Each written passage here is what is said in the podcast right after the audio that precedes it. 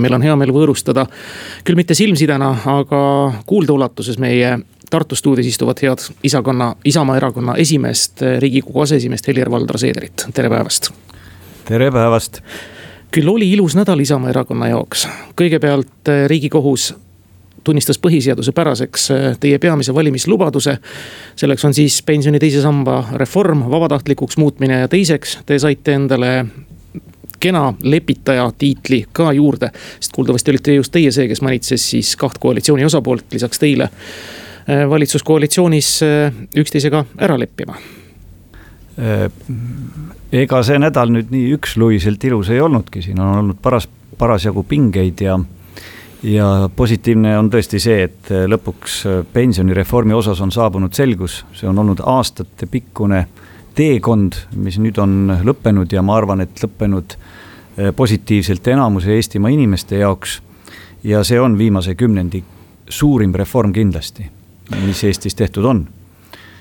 aga mis puudutab nüüd eh, lepitaja rolli, siis eh, see minu plaanidesse küll nädala alguses ei mahtunud, aga nii ta välja kujunes ja hea meel on selleks, sellest, et vähemalt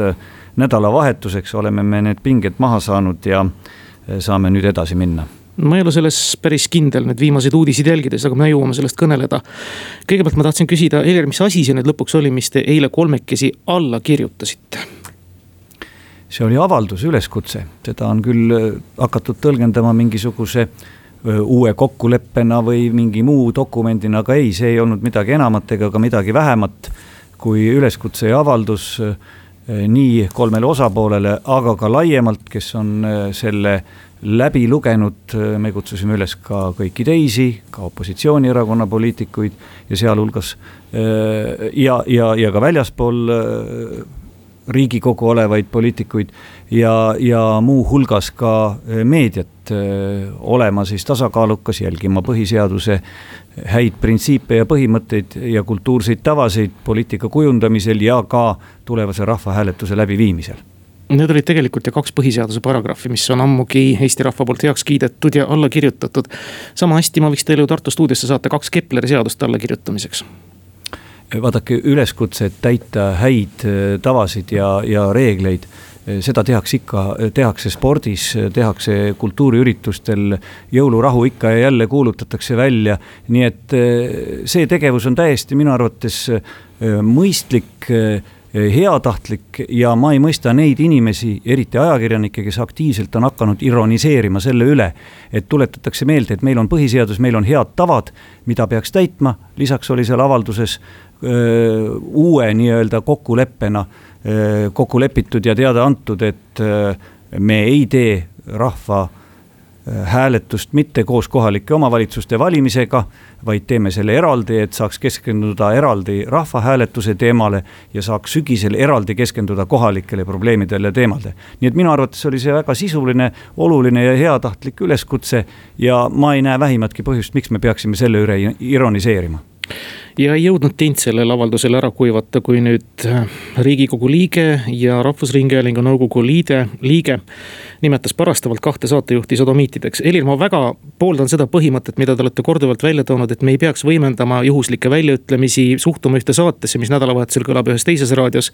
Äh, noh, kui meelelahutuslikku, võtma seda kui doktor Vassiljevet ja nii edasi. aga kui üks lugupeetud inimene ameti poolest ütleb teise kohta sodomiit, see ei ole see koht, mida ma jätaksin tähelepanuta ka ajakirjanikuna jah, eh, ma ei ole ise küll seda lugenud ja väidetavalt on see vist nüüd ka ära kustutatud, et ei olegi võimalik tagantjärgi lugeda rohkem, kui nüüd kommentaaridesse liigub. Eh, kui see nii on olnud, eh, siis kindlasti see ei ole kooskõlas sellesama üleskutse vaimuga, mida me eile alla kirjutasime ja ei heade kultuursete tavadega. ja sellisel juhul on EKRE-l põhjust vaadata enda sisse ja tõsiselt mõelda, kuidas edasi Teie kui nüüd juba hinnatud ja ennast tõestanud lepitajana, mis on teie soovitus nüüd EKRE-le oma erakonna liikmega ette võtta taolistes olukordades, kas selle inimese koht peaks olema Rahvusringhäälingu nõukogus? mina ei hakka siin praegu soovitust EKRE-le andma, nad peavad ise ära tunnetama selle piiri eh, mis on võimalik neil erakonna sees teha, igal erakonnal on oma sisemine hingeelu, oma eh, erakonna liikmete vahelised suhted nad peavad äh, ise nüüd endasse vaatama, leidma lahendused. kindlasti me räägime omavahel ka sellel teemal jälle, ega me seda nüüd märkamata ei jäta. Kuigi ma olen kutsunud üles mitte võimendama neid probleeme ja ka praegu arvan, aga sellega tuleb tegeleda Helir-Valdor, võib-olla natukene nüüd valgustate, kui rahu on majas loodetavasti ja allkirjad ka heale üleskutsele antud. mis siis ikkagi nüüd täpselt toimus kulisside taga, mm, telgitagustes, miks seekordne intervjuu, Mart Helme oma, no lisaks sellele, et ajakirjandus seda võimendas. Läks nüüd nii üle käte ja peaminister ja Keskerakond tundsid, et see on viimase viie aasta vast, et suurim valitsuskriis. mis seal veel oli? ega seal midagi enamat ei ole olnud mis nüüd äh, selle nädala jooksul ajakirjanduses ja meedias kajastamist ei ole leidnud, et äh, kõik see alguse ju sai Mart Helme intervjuust, mille võib äh, jagada kaheks, üks, mis puudutas kõike üldisemat ja ka suhteid Venemaaga ja teine väljaütlemine, mis puudutas siis väga teravalt teatud vähemusi ja sellele mitmed Keskerakonna juhtivad poliitikud, võiks öelda väga paljud Keskerakonna juhtivpoliitikud reageerisid äh, väga teravalt äh, ja massiivselt ja sellest äh, kerkis suur emotsionaalne tüli kahe koalitsiooni osapoole vahel.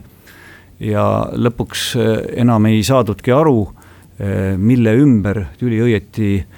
käis, arutati, kes alustas ja kes on süüdi. aga noh, niisugused äh, arutelud, emotsionaalsed süüdistused ei vii kunagi edasi. ja mina siis äh, püüdsin selgitada, et võtame nüüd sammukese kõik tagasi, arutame läbi, mis juhtus ja oluline on anda endale aru, äh, mis tegelikult juhtunud on ja tuleb tulevikku vaatavalt vältida selliseid asju, sest et tegemist oli ju sõnumiga, mille taga reaalset poliitikat ei olnud ei olnud see välja öeldud mõte eh, kujundamaks mingisugust poliitikat või sõnum, et, et niisugune on praegu ametis olevas, ametis oleva valitsuse poliitika. Eh, ei ole, et see arutelu käis lõpuks selle üle, et ikka kuidas edasi ja mul on hea meel, et et mida päev edasi, seda rahulikumaks see toon läks ja, ja lõpuks me suutsime noh, jõuda selle avalduseni, mis oli hea tahte avaldus ja ma väga loodan, et me suudame sellest kinni pidada ja suudavad ka äh, kinni pidada need, kes ei olnud äh, osapooled, vaid kes ka poliitikat teevad ja Eesti avalikku arvamust kujundavad mis präänik see siis lõpuks oli, mis te poiss, poistele kätte andsite, lisaks sellele, et te kutsusite nad üles arutelule? siin väidavad, et äh, präänikuks oli tegelikult olnud piits, et poisid, kui te kohe nüüd ei lõpeta, siis me oleme mõlemad või üks meist vähemasti opositsioonis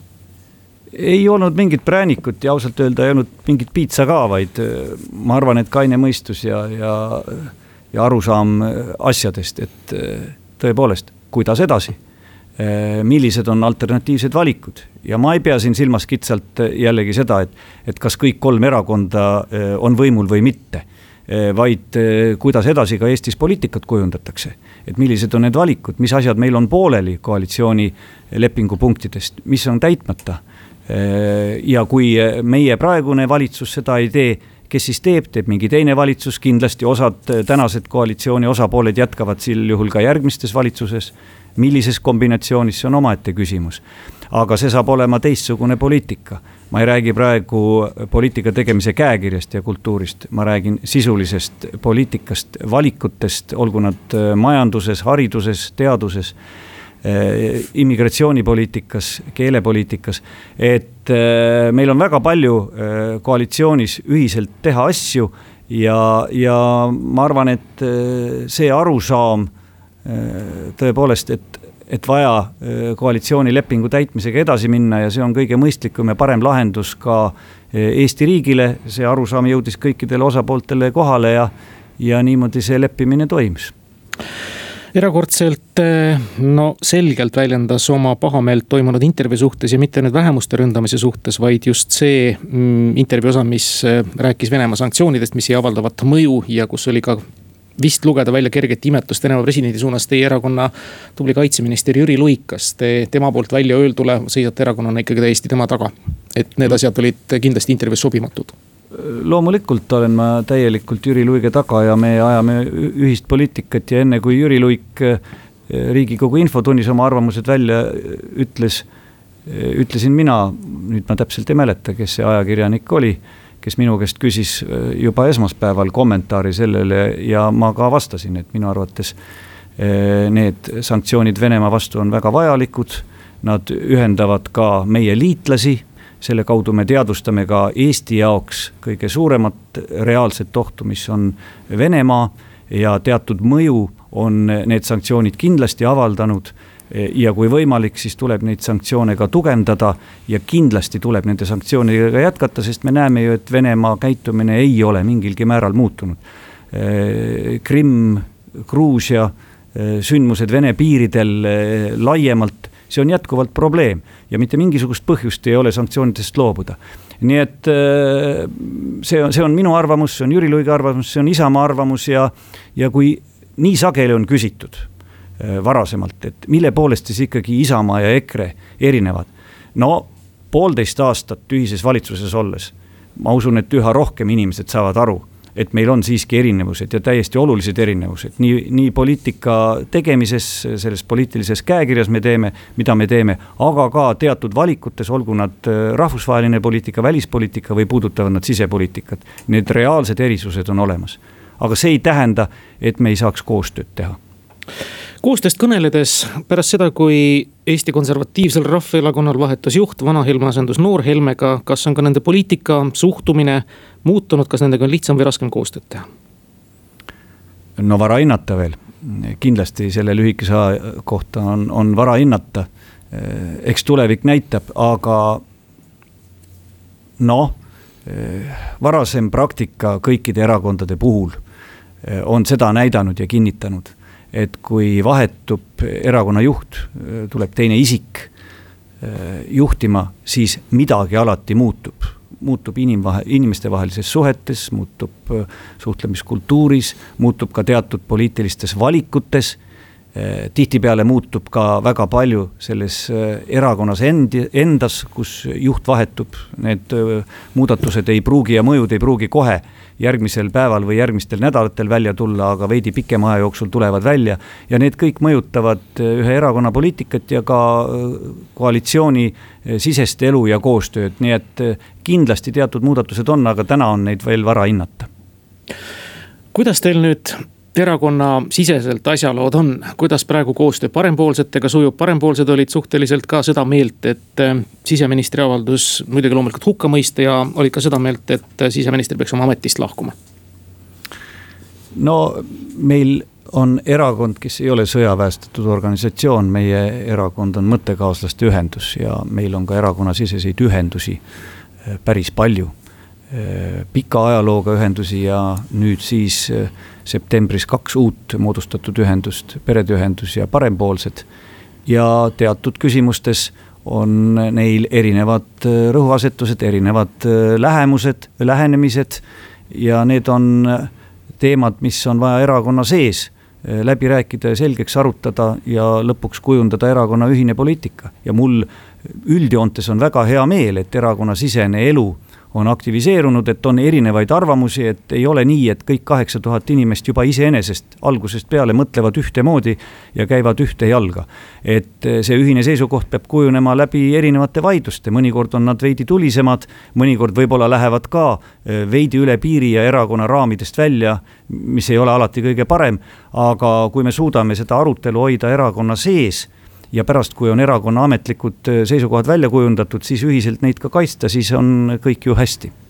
no teie valijad kindlasti kibelevad ju ikkagi teada saama ka, kuidas erakonna elu sees käib ja, ja kuidas need asjad ja kuidas debattideni jõutakse ja tahavad olla ka võib-olla, et kaasatud, ega seda ei saa ju ette heita. ja ajakirjandusele, kes tahaks seda neile vahendada ei, absoluutselt mitte, kui erakonna toetajad ja valijad tahavad teada, kuidas erakonna siseelu käib, siis kõige parem võimalus on muidugi astuda erakonna liikmeks ja siis oledki kohe sees ja saad näha.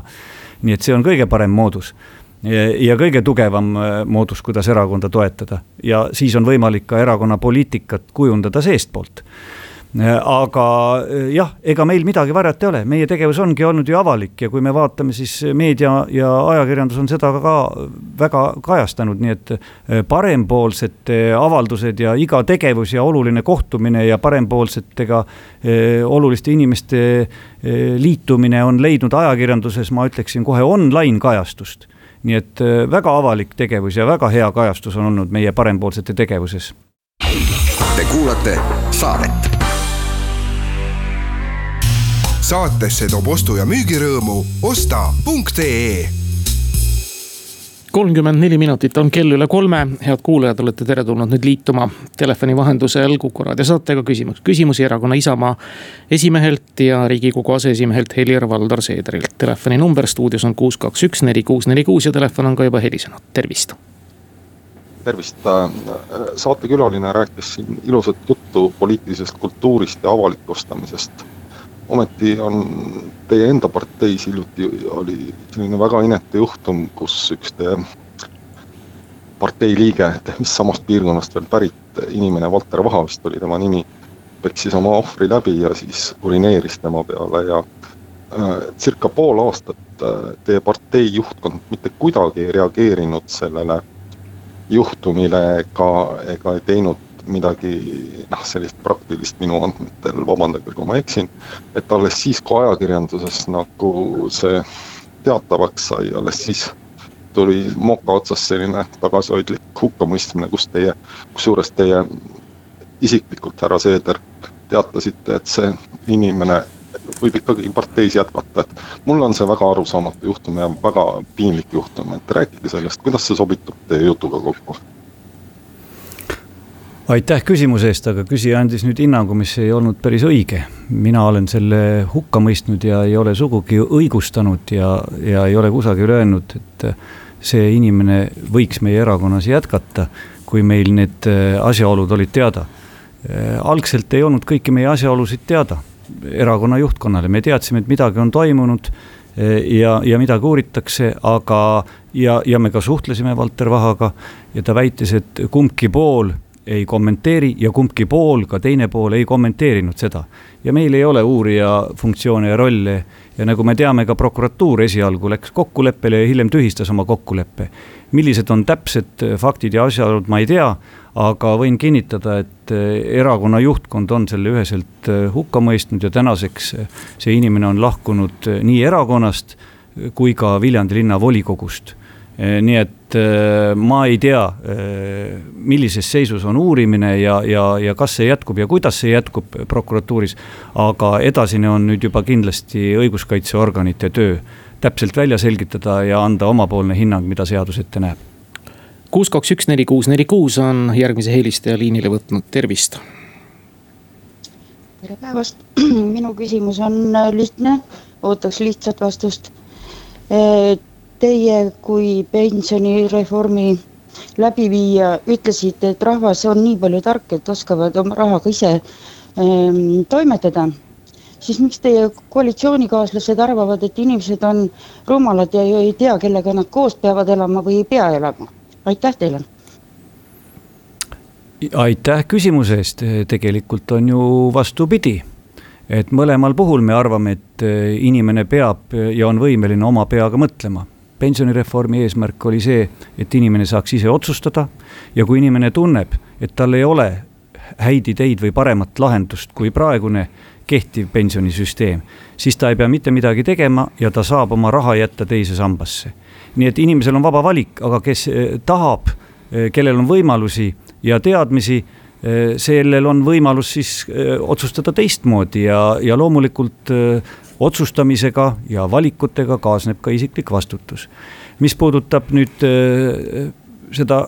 rahvaküsitlust ilmselt, millele on mõeldud, siis siin täpselt samuti rahvaküsitlus ongi rahva käest küsimine, mis tähendab seda, et me usaldame rahvast ja me tahame teada, mida rahvas mõtleb nii et ma küll ei loe siit välja kuidagi, et need kaks asja oleks äh, omavahel vastuolus ja ühel juhul me arvame, et inimesed teavad ja, ja suudavad ise oma peaga mõelda ja teisel juhul mitte. minu arvates mõlemal juhul me käitume nii, et me usaldame rahvast ja tahame teada nende arvamust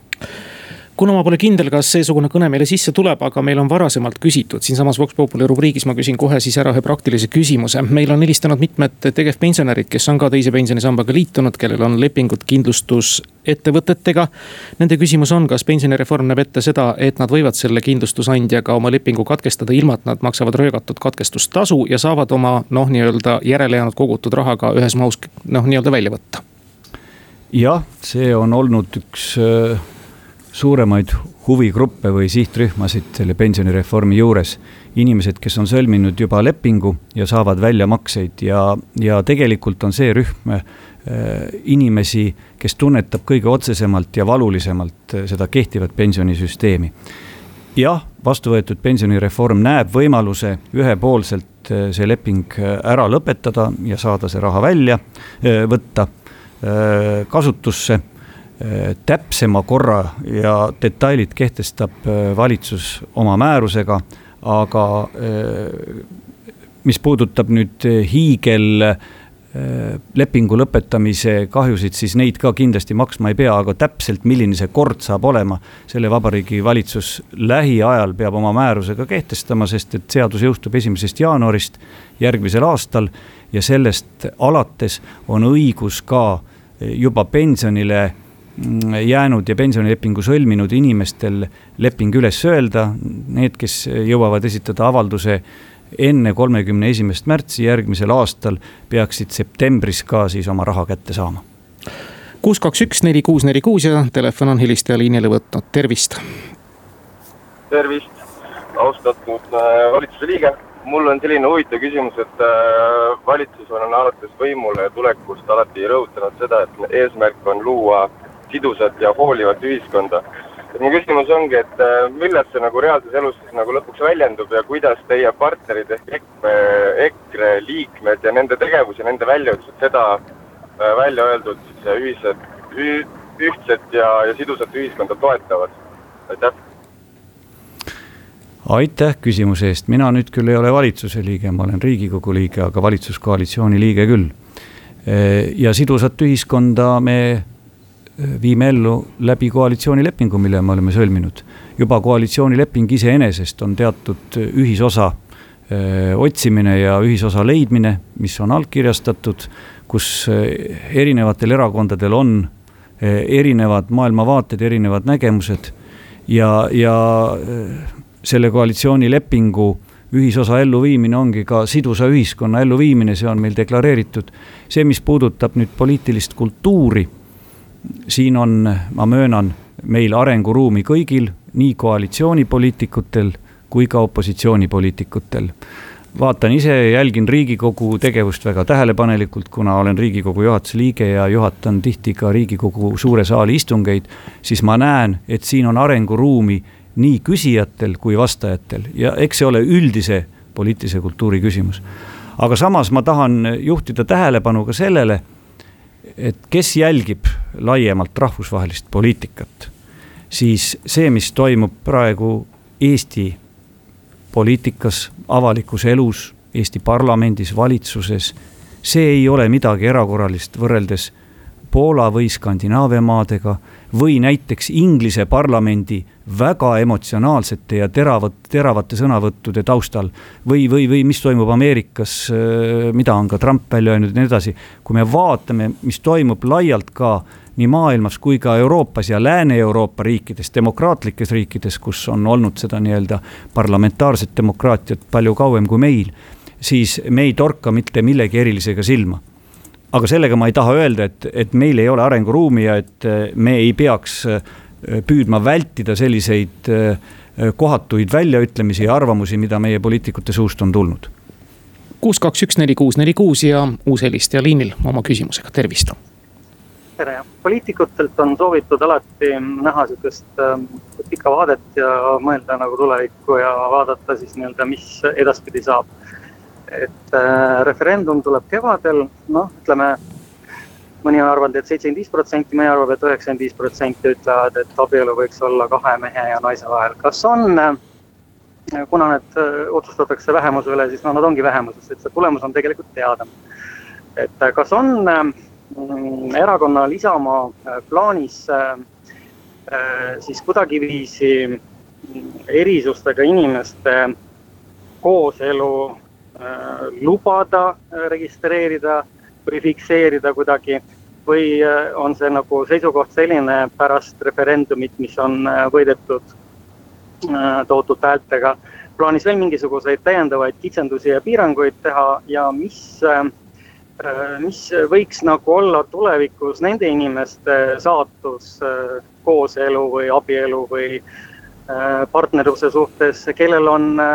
kaks suguorganit, nii naise kui mehe omad ja kes ei ole siis ennast identifitseerinud ei mehena ega naisena, vaid selle jaoks on üks teine väljend et äh, kas on mingisugused repressiivsed ähm, seadused äh, plaanis ka nende suhtes siis äh, rakendada, sest praegu momendil noh, mees ja naine, me oleme nagu enam-vähem juba ära fikseerinud, aitäh. aitäh küsimuse eest. Ei, selle rahvaküsitlusega ei otsustata vähemuse üle vähimalgi määral, selle küsimuse sisu ju saab olema äh, täna perekonnaseaduses kehtiva abielu määratluse äh, Äh, esialgselt oli plaan siis äh, põhiseadusliku toe andmine, aga nüüd siis rahvahääletusel rahva arvamuse saamine. nii et äh, see ei ole mingisuguse vähemuse üle otsustamine, vaid kordan, kehtiva perekonnaseaduses oleva abielu määratluse kohta esitatav küsimus rahvale. nüüd see, mis puudutab, et kas on Isamaal või minul Äh, mingi seisukoht äh, ülejäänud vähemuste äh, osas, kas peaks nendevahelisi suhteid kuidagi rohkem reguleerima. olen seda korduvalt öelnud ja minu jaoks on just kummaline, et, et heidetakse ette neile, kes tänast perekonnaseadust kaitsevad või seda sätet, mis on seal kirjas abielu mõistena. et nad justkui tungiksid teiste magamistuppa või eraellu tegelikult on vastupidi. minu arvates piisab sellest, kui me oleme ära fikseerinud Eesti seadusandluses abielu määratluse ja ei tegele rohkem inimeste nii-öelda eraelu ja voodieluga. ei ole vaja rohkem tegeleda ei ole vaja võtta vastu kooseluseaduse rakendusakte, ei ole vaja veel mingisugust paralleelinstitutsiooni abielu institutsiooni kõrvale. me ei pea kõikide nende inimese eraeluliste küsimustega tegelema avalikul tasemel ja reguleerima neid riiklikul tasemel seadusega. minu arvates sellest piisab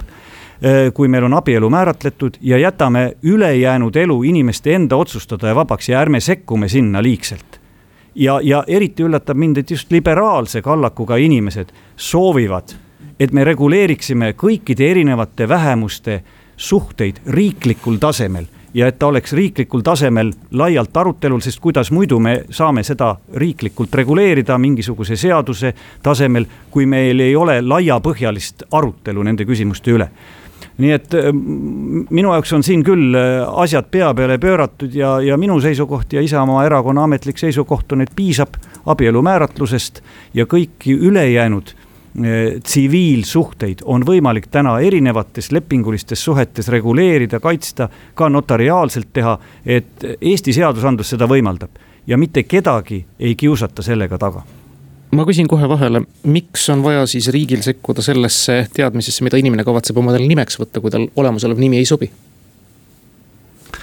nüüd te peate silmas nimeseadust mm -hmm. ja, ja võimalikke muudatusi, mis tulevad. no see arutelu seisab täna veel parlamendi sees, mingit otsust ei ole ju langetatud, nii et need parlamentaarsed arutelud, kas seda nimeseadust üldse muudetakse ja mis, mil määral muudetakse, seisavad ees Äh, nii et ma ei ole sugugi kindel, et äh, see nimeseadus läbib parlamendi sellisel kujul, nagu teda on praegu algatatud. seitse ja pool loetud minutit on meil jäänud veel, teile jäänud, head kuulajad, küsida tänaselt saatekülaliselt Helir-Valdor Seederilt küsimusi. Telefon kuus, kaks, üks, neli, kuus, neli, kuus, telefon on helisõna, tervist ja tere Kuku raadio härra Helin-Valdor Seederile ja, ja Isamaale. minupoolsed õnnitlused äh, selle suure töö eest, mis puudutab nii selle koalitsiooni püsimajäämist kui ka, kui ka pensionireformi, aga vot viimases osas on mul just küsimus ja ettepanek, mida ma olen tegelikult ka erinevatel kanalitel teistel Isamaa äh, liikmetel esitanud. et kas see nüüd on ainus võimalus, et teine sammas, kas nüüd äh, rahas välja võtta või jätkata selle kogumist, noh, need, kes koguvad, ise olen pensionär. et ma meeleldi taastaksin selle seisu, et see neli protsenti, mis nii-öelda riigi poolt mulle juurde pandi, mis mul tegelikult esimesest sambast ära võeti. et ma selle liidaksin oma esimese sambaga ja selle kaks protsenti, mille ma tõesti ise kogunud oleksin tulumaksu maksmisega, võtaksin selle välja. või, või veel konkreetsemalt öelda, ehk siis, et saaksin ma osta oma teise sambasse kogunenud vahendite eest esimese samba osakuid, aitäh. aitäh, ma arvan, et ma sain aru, mida kuulaja küsis kõigepealt hästi lühidalt üldisemalt, et ei ole ainult võimalus kas jätkata või välja võtta, siin on võimalus ka katkestada pensionikogujal teises sambas oma maksed ja, ja jätta see raha teise sambasse alles ja edaspidi siis laekuks, laekuksid maksed tema esimesse sambasse ehk riikliku pensioni arvestusse, ka selline võimalus on olemas ja investeerimiskonto võimalus on olemas. ja on võimalus ka, ka äh, katkestamisel taas ühineda kümne aasta möödudes ja, ja nendel inimestel, kel seni ei olnud võimalik teise sambaga liituda äh, ea tõttu, äh, on ka nüüd täiesti vaba, et need vabadused on suuremad. aga nüüd otseselt see küsimus, et kas ka tagasiulatuvalt näiteks oleks võimalus inimesel nüüd arvestuslikult oma neli protsenti esimesesse sambasse kanda, et ta hakkaks saama suuremat riiklikku pensioni ja võtta siis äh, see kaks protsenti, mis ta ise maksis välja. sellist paindlikku võimalust jah, ei ole. see oli seaduse väljatöötamisel tõsiselt arutelu all ja mina väga toetasin seda põhimõtet, et kirjutada seadusesse sisse, mm, et inimestel oleks võimalus ka teha valik taastada oma esimene sammas nelja protsendi arvelt. maksu- tolliametis need äh, andmed peaksid olema ja need on taastatavad, aga seal tekkis hästi palju juriidilisi küsimusi, ka rahalisi küsimusi, et, et kuidas me hakkame tagasiulatuvalt arvestama kõiki neid koefitsiente ja osakaale. Mm, ja, ja see seadus oleks läinud nii keeruliseks ja mahukaks et äh, me otsustasime ühel hetkel, et me seda võimalust ja nii suurt paindlikkust sisse kirjutada ei suuda seda enam, et me teadsime, et, et äh, see seadus läheb veel kohtukulli ette, see oleks veel keerulisemaks need vaidlused ajanud. ja seda võimekust äh, koos ekspertide ja rahandusministeeriumi ametnikega meil ei olnud nii et sellisel kujul on ta praegu vastu võetud ja, ja, ja seda kahjuks jah, mida ilmselt küsija silmas pidas, selles seaduses sees ei ole. Kuus, kaks, üks, neli, kuus, neli, kuus, telefon on taas helistaja päralt, tervist! Tervist, selline küsimus, et äh, kas härra Seeder, te olete aru saanud, miks veel Viktoria Ladõnskaja on Isamaas? Ja kas ta veel sellel poliithooajal võiks leida ennast akna alt? Viktoria Latõnskaja on tõesti Isamaa liige ja, ja Riigikogus ka meie fraktsiooni liige. Äh, kui kaua ta on, noh, seda näitab äh, tulevik, tema enda soov ja tahe ja, ja, ja käitumine no ilmselt küsimus seetõttu esitatud, et Victoria on kõige sagedasem fraktsiooni liige, kes on hääletanud teistmoodi. jah, meil on mitmetes küsimustes erinevaid arvamusi, kui kaua meil on ühine tee. eks seda näitab, valdavalt võin siiski kinnitada, et enamuste hääletuste puhul on ka Victoria käitunud nii nagu ülejäänud fraktsioon ja, ja lähtunud meie fraktsiooni ühisest välja kujundatud seisukohast aga on mõningaid küsimusi, kus ta on teisel arvamusel ja eks eh, nii nagu ma ütlesin, tulevik näitab, kuidas meie eh, poliitilised teed tulevikus kulgevad eh, Isamaa erakonnal ja Viktorial. kuus, kaks, üks, neli, kuus, neli, kuus ja uus helistaja oma küsimusega, tervist. tervist, vot vaatasin eil, eile oli see pressikonverents, kus nagu valitsus oli koos ja sõlmiti nagu öeldakse uuesti see rahuleping nagu öelda, aga mind, mul oleks selline küsimus, et et hiljem oli siis Rahvusringhäälingus, äh, Ringvaates oli seal Leip, Leikop ja Soonvald praktiliselt mõnitasid seda lepingut, irvitasid selle üle, eks ole, istudes mugavalt diivanil. Ja edasi läks Rahvusringhääling tralla ja sildam Aktuaalses Kaameras, et mind huvitaks see, et mis teie arvate sellest, et mis seisukoha üldse on Rahvusringhääling võtnud selle valitsuse suhtes nagu öelda, et on näha, et see asi nagu ei lõpe, et see, see Rahvusringhääling on suunatud nagu ühele poolele, paistab, et Reformierakonna poolele. ja teine asi see, et siin mõni päev tagasi oli siin see just, keegi küsis neli protsenti. rahvusringhääling kuulutas et, et neli protsenti maksab riik. Tegelikult see ei ole ju õige, neli protsenti võetakse ju inimese enda esimesest sambast. sellist valeinfot levitada niimoodi avalikult kohe noh, see on nagu Rahvusringhäälingu poolt ka natukene imelik. Aitäh küsimuse eest, jah, see neli protsenti, mis äh, nii-öelda riigieelarvest juurde lisatakse, see võetakse tõepoolest inimese riikliku pensioni arvestusest ehk, ehk esimese samba arvelt ja selle võrra väiksem on tulevikus inimesel riikliku pensioni osa, kui ta on liitunud teise sambaga. aga nüüd äh, need äh, kajastamised,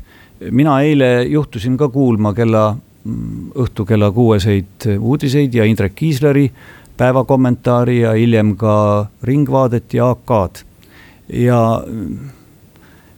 mina võib-olla ei ole nendes küsimustes objektiivne, sest ma olen üks osapool, aga ma ütlen, need kommentaarid tervikuna ei olnud kindlasti tasakaalus. soovitan kõigil kuulata, kes ei ole kuulanud ja rahulikult püüda mõelda, et, et kas see on päriselt neutraalne ja analüüsiv kommentaar ja pilk. Minu arvates see ei olnud, rohkemat ma siin praegu läbi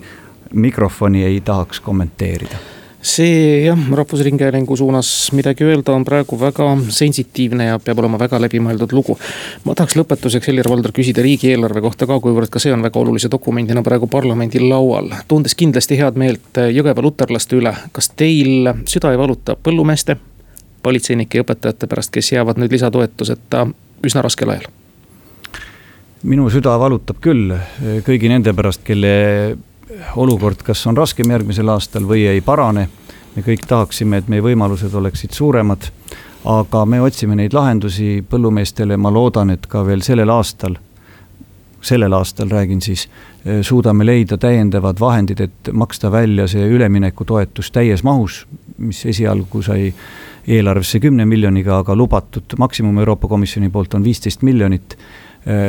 selles on eelkokkulepe koalitsioonis olemas. Äh, kuidas järgmisel aastal, äh, täna ma vastust ei anna, aga ka sellel aastal esitati valitsusest eelarve, kus üleminekutoetuste real oli null ja lõpuks me lõpetame aasta maksimaalselt välja makstud summaga. nii et väga loodan, et me leiame ühele või teisele sihtrühmale ka riigikogu menetluses või aasta jooksul tehtud eelarve muudatuste või lisaeelarvega paremaid lahendusi aga eks see sõltub ka muidugi majandusolukorrast ja tervisekriisi kulgemisest. suur tänu teile, Helir-Valdor Seeder, selle raske nädala lõpetuseks stuudiosse tulemast, kuulate küsimustele vastamast, edu, jõudu, kena nädalavahetust, hoidke tervist. aitäh